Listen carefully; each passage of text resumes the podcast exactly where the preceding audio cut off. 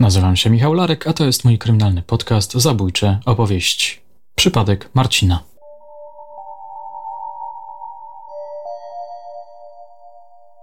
Półtora roku temu poznałem panią i jakoś to się tak samo ułożyło, że jesteśmy razem. Aha. Jak wygląda taki związek? Na chwilę obecną listy telefony i Skype. Macie tutaj dostęp do Skype'a? Tak. Ja chciałem przyjechać, ale było nie chcę, żeby nasze pierwsze spotkanie było w więzieniu. Bo ona nigdy nie miała do czynienia z takimi ludźmi. To Marcin, mężczyzna po czterdziestce, który odsiaduje wyrok za zabójstwo w zakładzie karnym w Łupkowie. To był mój drugi rozmówca w trakcie bieszczackiego wyjazdu. Jego opowieść, przedstawiona cichym, jakby zbolałym głosem, zrobiła chyba na mnie największe wrażenie. Co jakiś czas w mojej głowie rozbrzmiewa ten charakterystyczny sposób mówienia. Czasami też przed moimi oczami staje jego smutna twarz. Jestem niezwykle ciekawy, jakie będą Wasze impresje. Ale zanim zaprezentuję Wam tę rozmowę, wrócę jeszcze do opowieści pana Mirka, której mogliście posłuchać w pierwszym odcinku tej miniserii. Otóż mój dobry kolega, psycholog i psychoterapeuta, Maciej Gałowicz, po wysłuchaniu podcastu podzielił się ze mną kilkoma spostrzeżeniami. Wydały mi się one bardzo intrygujące, dlatego poprosiłem go, żeby nagrał dłuższy komentarz, który mógłbym wykorzystać w kolejnym odcinku. Co niniejszym właśnie robię. Moje drogie, moi drodzy, posłuchajcie.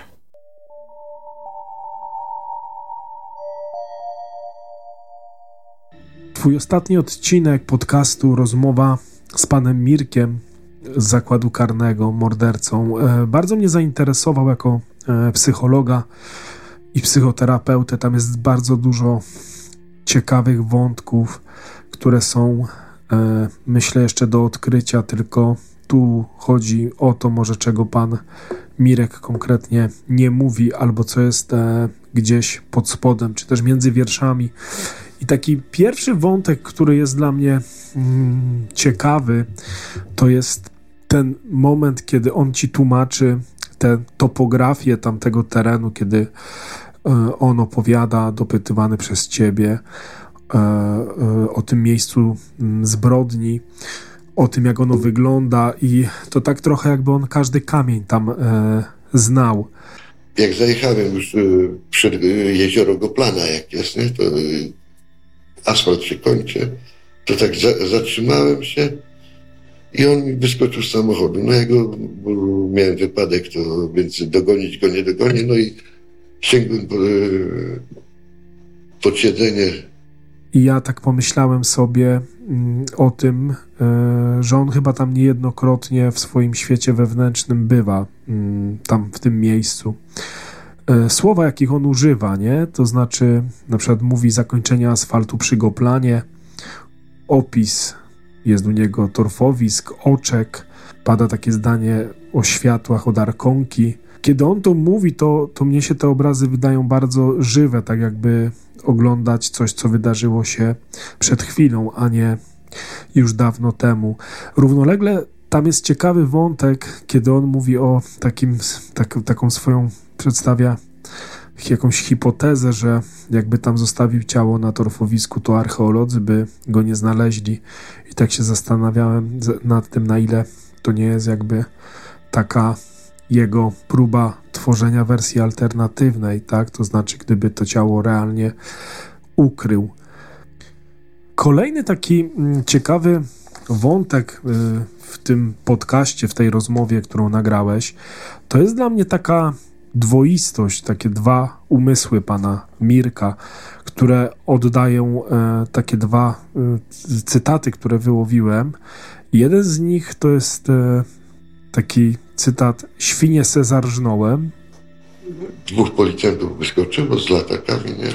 No i a co pan tego? Ja by świnie zarżnąłem.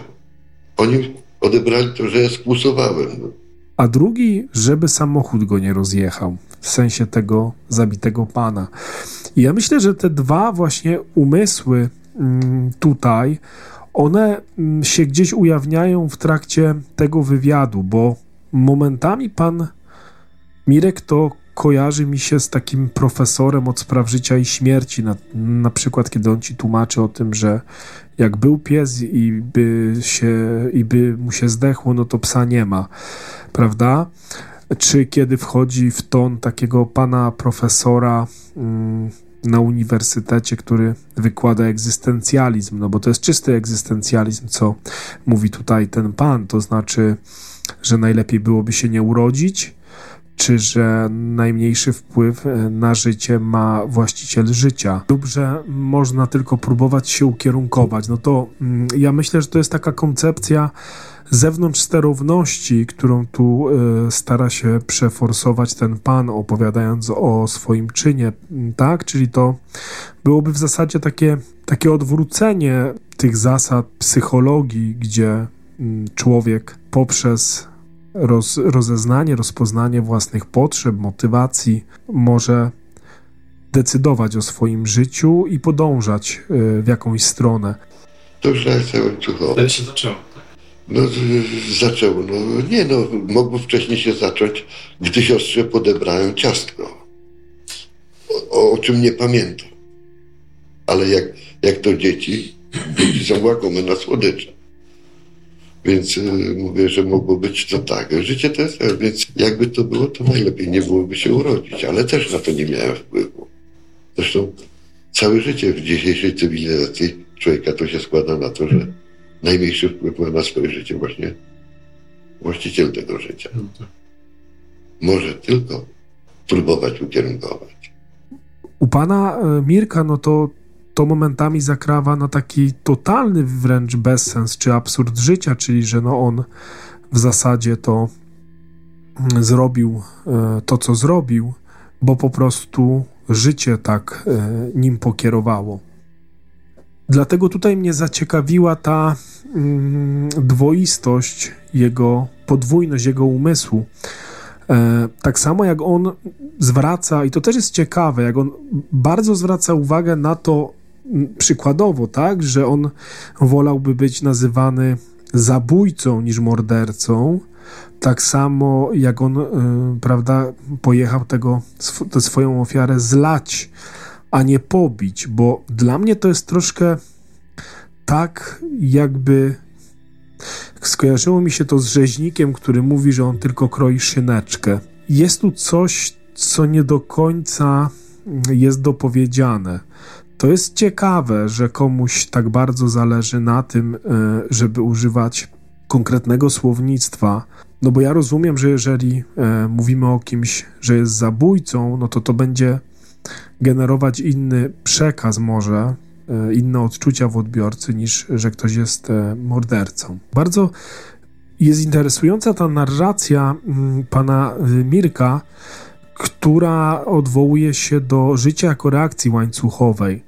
Ja mam tu wręcz wrażenie, że no, pan Mirek to, to trochę tak się z tobą bawi, bo on tutaj e, mówi, że no nie wiadomo, kiedy to się zaczęło, tak? Czy jak e, poszedł pierwszy na, raz na wagary, czy jak wziął klocki, czy może jak nieświadomie ukradł ciastko siostrze. Mm, on trochę tutaj, e, to co on mówi, jest dla mnie interesujące pod takim kątem, że, że my nie wiemy, tak, czy on mówi o swoich doświadczeniach, to znaczy wskazując na to, że te doświadczenia go ukształtowały, czy on y, troszkę tutaj mm, filozofuje, ale ta wypowiedź mi się wydaje ciekawa y, w kontekście takiego odwiecznego sporu, mm, który jest prowadzony gdzieś e, w psychologii, chyba nie tylko, e, dotyczącego y, takiej kwestii natura czy wychowanie, bo e, rzeczywiście to są bardzo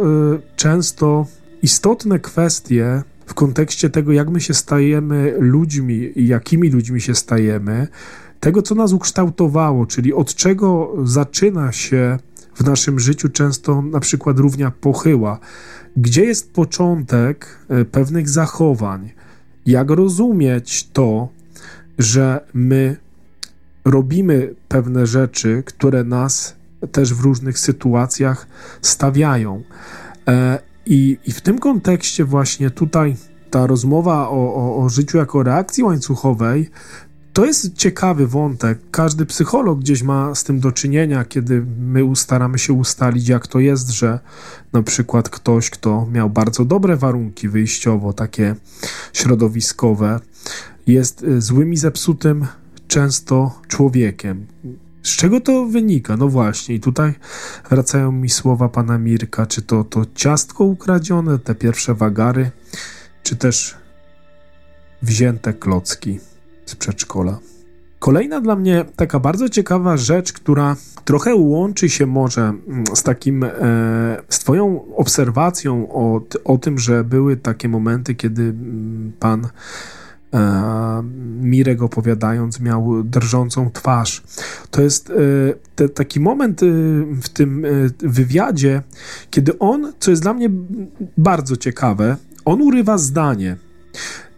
Nie, to jest gdzieś 23 minuta w górę i on mówi tutaj coś takiego, że nie chciałbym sam sobie jakby, no i tu nie kończę, ale ja to tak rozumiem, zadawać bólu jakiegoś. Ludzie mi wymierzyli karę, no i ja tę karę odbywam, ale bardzo mi się wydaje ciekawy ten fragment, kiedy on urywa, to trzeba odsłuchać, żeby może jakiś kontekst mieć, bo to troszkę tak ja mam odczucie, taką fantazję na ten temat, jak słuchałem, tego wywiadu i myślałem sobie o tym człowieku, jakby on jednak e, tak parcjalnie, momentami, fragmentarycznie e, kontaktował się z jakimś e, swoim bólem, może z jakimś sumieniem. To znaczy, mówię o tym w kontekście tego, że on, prawda, tak jak wspominałem o tych dwóch umysłach, on się wydaje bardzo spójny. W zasadzie tutaj nie ma, nie ma wyłomów w tej konstrukcji psychicznej, a jednak on tu jakoś tak urywa, nie wiem, to mnie e, bardzo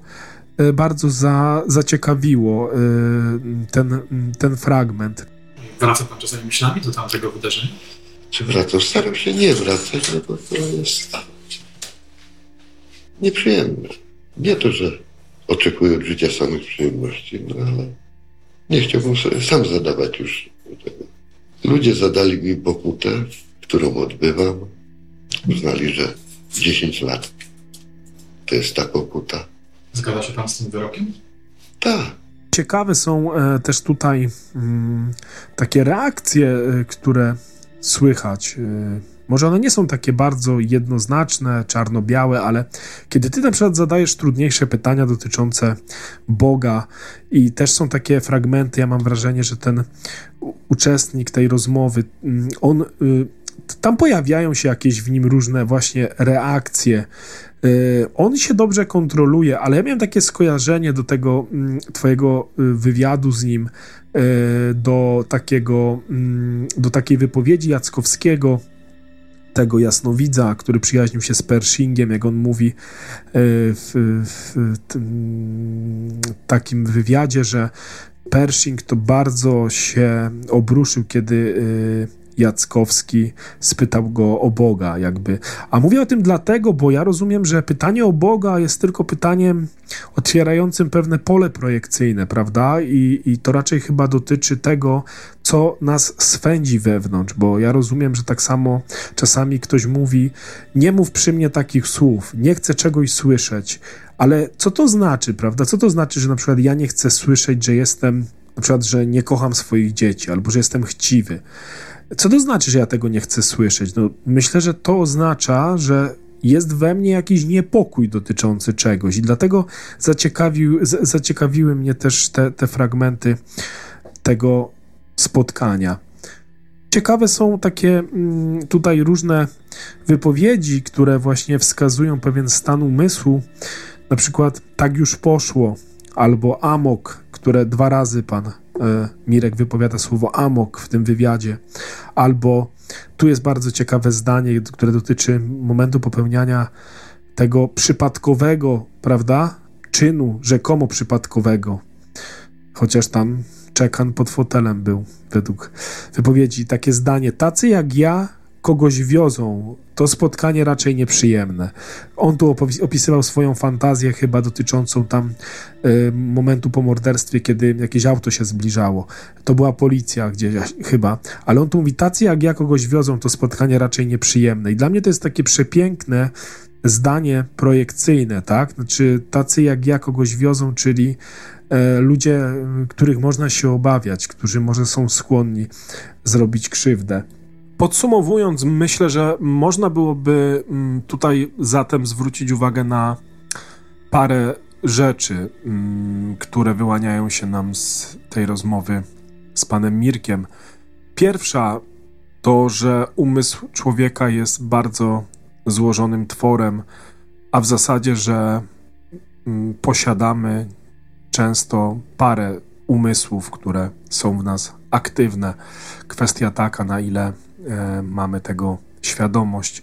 Mam tu na myśli takie stany mm, rozszczepienia umysłu, gdzie często mm, wiele tych części jest ze sobą niepołączonych, i wtedy e, ten obraz, który wyłania się nam danej osoby, staje się e, bardzo złożony.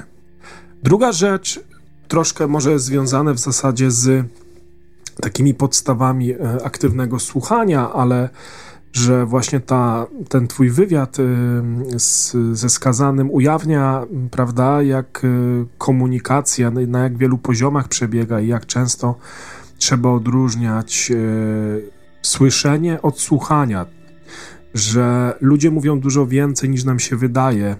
Kwestia jest taka, czy my się dobrze wsłuchujemy w te narracje. I ostatnia taka rzecz, którą sobie mm, pomyślałem, ta rozmowa skojarzyła mi się też z fragmentem książki Davida Bassa mm, Morderca za ścianą. Tam jest takie zdanie, e, że właśnie często nieprawdą jest, że zabójstwa popełniają ludzie chorzy psychicznie. Mordercy nie są szaleńcami, a przynajmniej większość nimi nie jest. Taki fragment, tak? To znaczy, dlatego tak sobie jakoś skojarzyłem to, bo pan Mirek mm, no nie jawi się nam w tej rozmowie jednak jako seryjny zabójca i szaleniec, który od zawsze to planował. I, i może to jest najbardziej przerażające ta, przerażające ta normalność momentami, kiedy on mówi o tym, co zrobił. Dziękuję.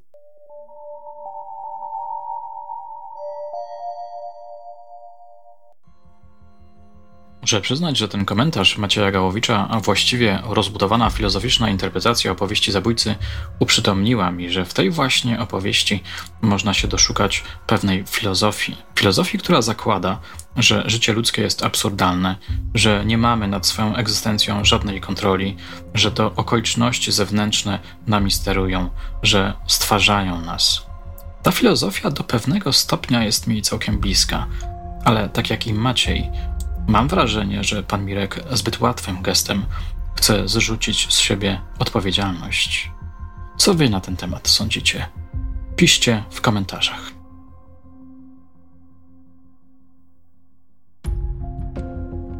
Parę minut po wyjściu pana Mirka do pomieszczenia wszedł Marcin. Szczupły, cichy, skromny mężczyzna po czterdziestce. To był ciekawy kontrast. Najpierw rozmowa z pewnym siebie, ale i kulturalnym oraz elokwentnym facetem, który ma słabość do filozofowania, a potem dwudziestominutowa wymiana krótkich zdań z człowiekiem, który z wielkim trudem opowiadał o swoich tragicznych przejściach. Tutaj jedna uwaga, tyleż techniczna, co psychologiczna. Kiedy nagrywam wywiady na potrzeby podcastu, podpinam moim rozmówcom mikrofon krawatowy. Tutaj tego nie zrobiłem. Przyznaję, że miałem obawy przed bezpośrednim kontaktem. Dlatego kwestie ich oraz moje są nagrane trochę ciszej niż zazwyczaj. Wybaczcie.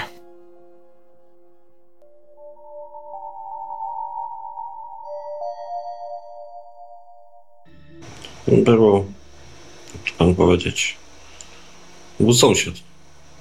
Znaczy on tam nie mieszkał długo, ale ja miałem jakiś czas, miałem też z alkoholem. W sumie też się tak zaczęło jakoś od drobnych jakichś tam kradzieży.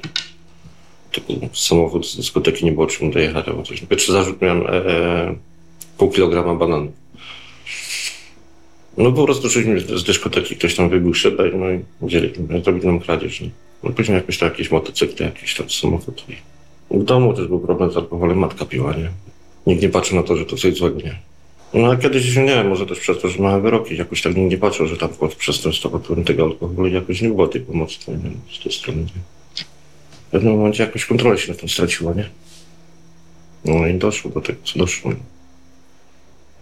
Żeśmy z sąsiada trochę popili. Później miałem jakoś swoją pracę. No wieczorem mnie zawołał już tam na jakiś alkohol. Żeśmy poszli do niego. No było dosyć sporo tego alkoholu. On tam poszedł spać. No ja tam jeszcze z tą jego dziewczyną siedziałem, trochę muzyka grała i on w pewnym momencie jakoś wstał i podszedł do niej, tam ją uderzył, trochę ją przydusił i że niby o tą muzykę, nie? Ja jakoś tak zawsze negatywnie patrzę na to, na przemoc wobec kobiet i tak dalej. No ja coś mi tam odpieprzyło i poszedłem do domu, wziąłem nóż, przyszłem i mm, zadałem kilka ciosów. No nie ma się czym chwalić, ani niczym. A wcześniej miał pan jakieś takie momenty przemocy? Nie. Pierwszy wybuch? Mm, No to nie wiem, to ja się na tym nie znam, tak ja to powiedział, że kumulowałem w sobie po prostu i był jakąś taką przypadkową osobą, na której to wyładowałem. No. No się staram o tym zapominać, nie mówić o tym, ale to wraca, no. Na pewno to z głowy do końca życia będę miał w głowie.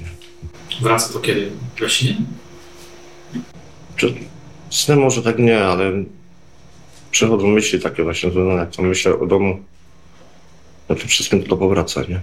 Dlatego ja nie chcę tam wracać. Więc staram się jakoś o tym nie mówić, nie myśleć, nie? A był pan wcześniej świadkiem przemocy? No, no w domu jakieś tam były, jakieś tam awantury, mama z tatą, nie? Jak pan na to reagował, kiedy pan widział coś takiego? No, staram się jakoś uciekać stamtąd. Pan sam był bity? Nie. Nie wiem. Okej, czyli mm, ten sąsiad uderzył mm, swoją dziewczynę, tak? Pan to widział? Wtedy się pan, panu zagotowało. No, no, no, no chyba tak. No. Jak to jest? Dobrze pan to pamięta, czy raczej jakoś tak przez mgłę? Albo jeszcze inaczej? Raz dobrze, raz przez mgłę. Czy pamięta, co zrobiłem? nie? Co było potem? Zabił pan? I co się potem z panem działo? Znaczy w jakimś oboku, bo matka mi mówiła, że jeszcze byłem w domu. Po jakieś pieniądze, poszliśmy do sklepu jeszcze z nią. I później żeśmy wrócili i mówię, panie, czy ja dzwoniłem, czy ona dzwoniła na pogotowie. A Kiedy pan oprzytomniał, nie wiem, wytrzeźwiał, uzmysłowił sobie, co pan zrobił, to co się z panem dzieje? Ciężko powiedzieć, no. Napróbowałem się na areszcie, za niego tam zamknęli. Tam się próbowałem powiesić, ale pasek pęknął. Próbował się pan powiesić, ale dlaczego? Nie wiem, nie umiem tego wyjaśnić.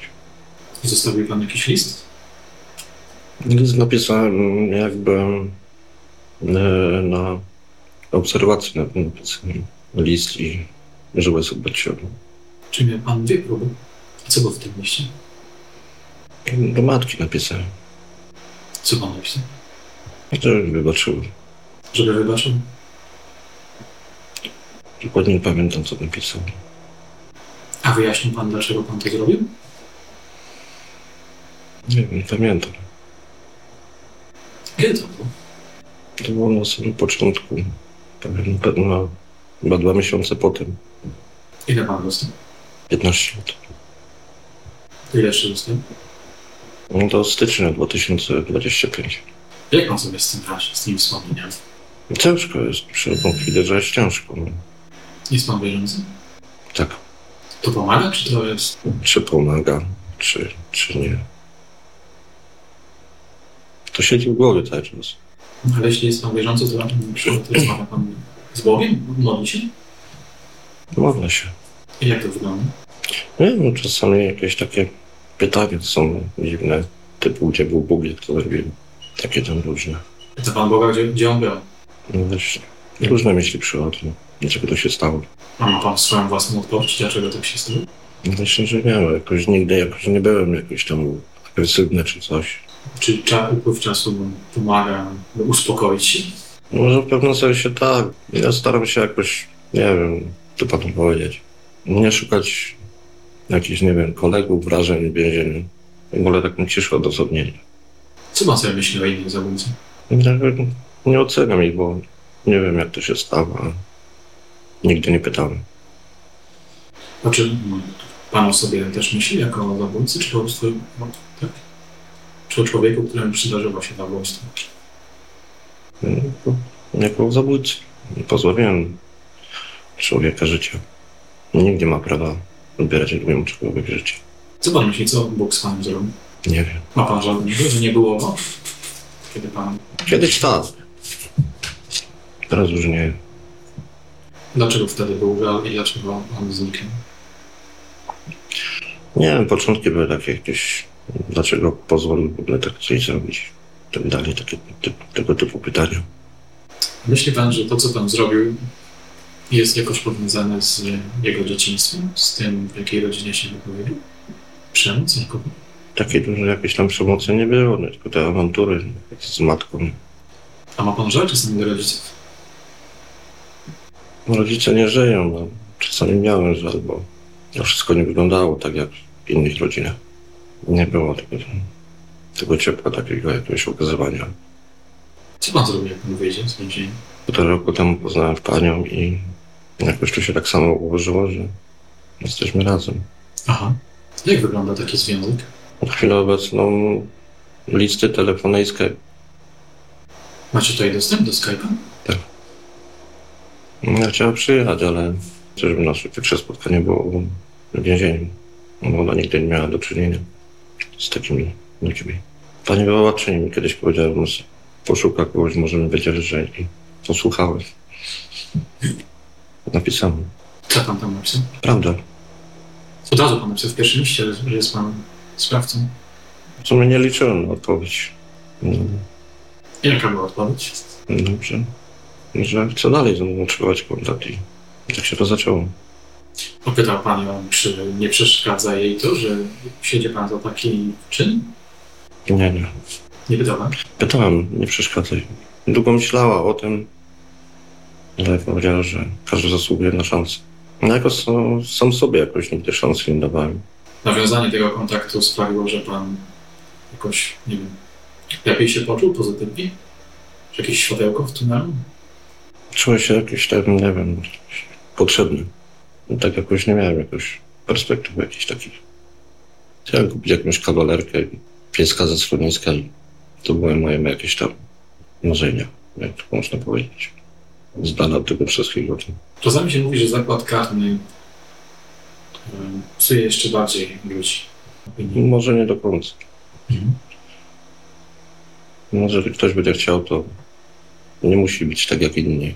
Się zachowywać, jak się niektórzy zachowują. Muszę przyznać, że bardzo mocno fascynuje mnie religijność zabójców, a szczególnie mocno fascynuje mnie jeden temat. Jak według nich Bóg zapatruje się na nich, na ich czyny i co zamierza z nimi zrobić? Czy zamierza jakoś ich ukarać? Zagadnąłem o to Marcina. Nie wiem, że Bóg jest miłosierny. Nie wiem, czy przyjdziemy jeszcze kiedyś zapłacić za to w jakiś sposób. Czy już mnie ukarał. Nie wiem. Różnie w życiu bywa. Każdego może coś spotkać złego. Nie wiemy, co się będzie. będzie.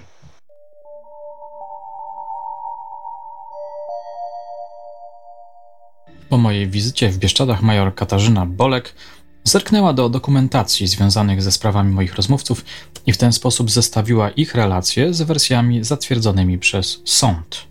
Pani major zauważyła, że Marcin niewiele powiedział na temat samego zajścia.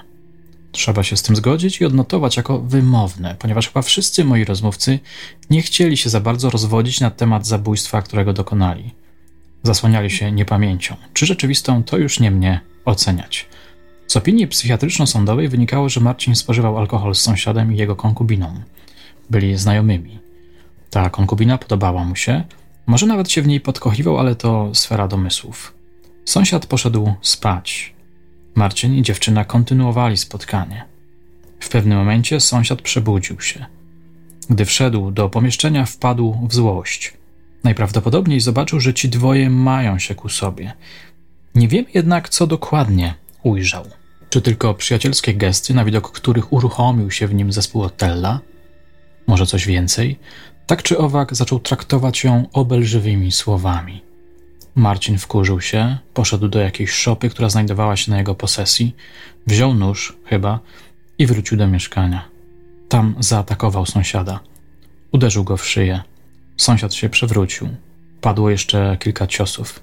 Śmierć była niemal natychmiastowa. Pani major stwierdziła, że w trakcie naszej rozmowy Marcin okazywał skruchę. Wiedział, że popełnił zło, ale i czuł, że popełnił zło. A to jest bardzo istotne, czy tylko rozumiemy, czy także czujemy sens naszego postępku. Kiedy przypominam sobie naszą rozmowę, odnoszę wrażenie, że czasami człowiek okazuje się słabszy od swoich emocji, ulega im bezwolnie i popełnia zło, choć tak naprawdę nie jest w środku zły, raczej nadpsuty z powodu różnych okoliczności zewnętrznych. Oczywiście nie chcę usprawiedliwiać jego potwornie złego czynu. Po prostu dzielę się z wami swoimi odczuciami. Pewnie do tego wątku jeszcze będę wracał. Cytat z książki wspomnianej przez Macieja Gałowicza. Jak zauważyła psycholog sądowa Carol Hayden, po ponad 18 latach badania morderców, granica między nimi a nami właściwie nie istnieje. Korespondencja prywatna. Wydają się różnić od nas wyłącznie tym, że kierując się wewnętrznym rachunkiem zysków i strat, wybrali morderstwo jako rozwiązanie swoich problemów.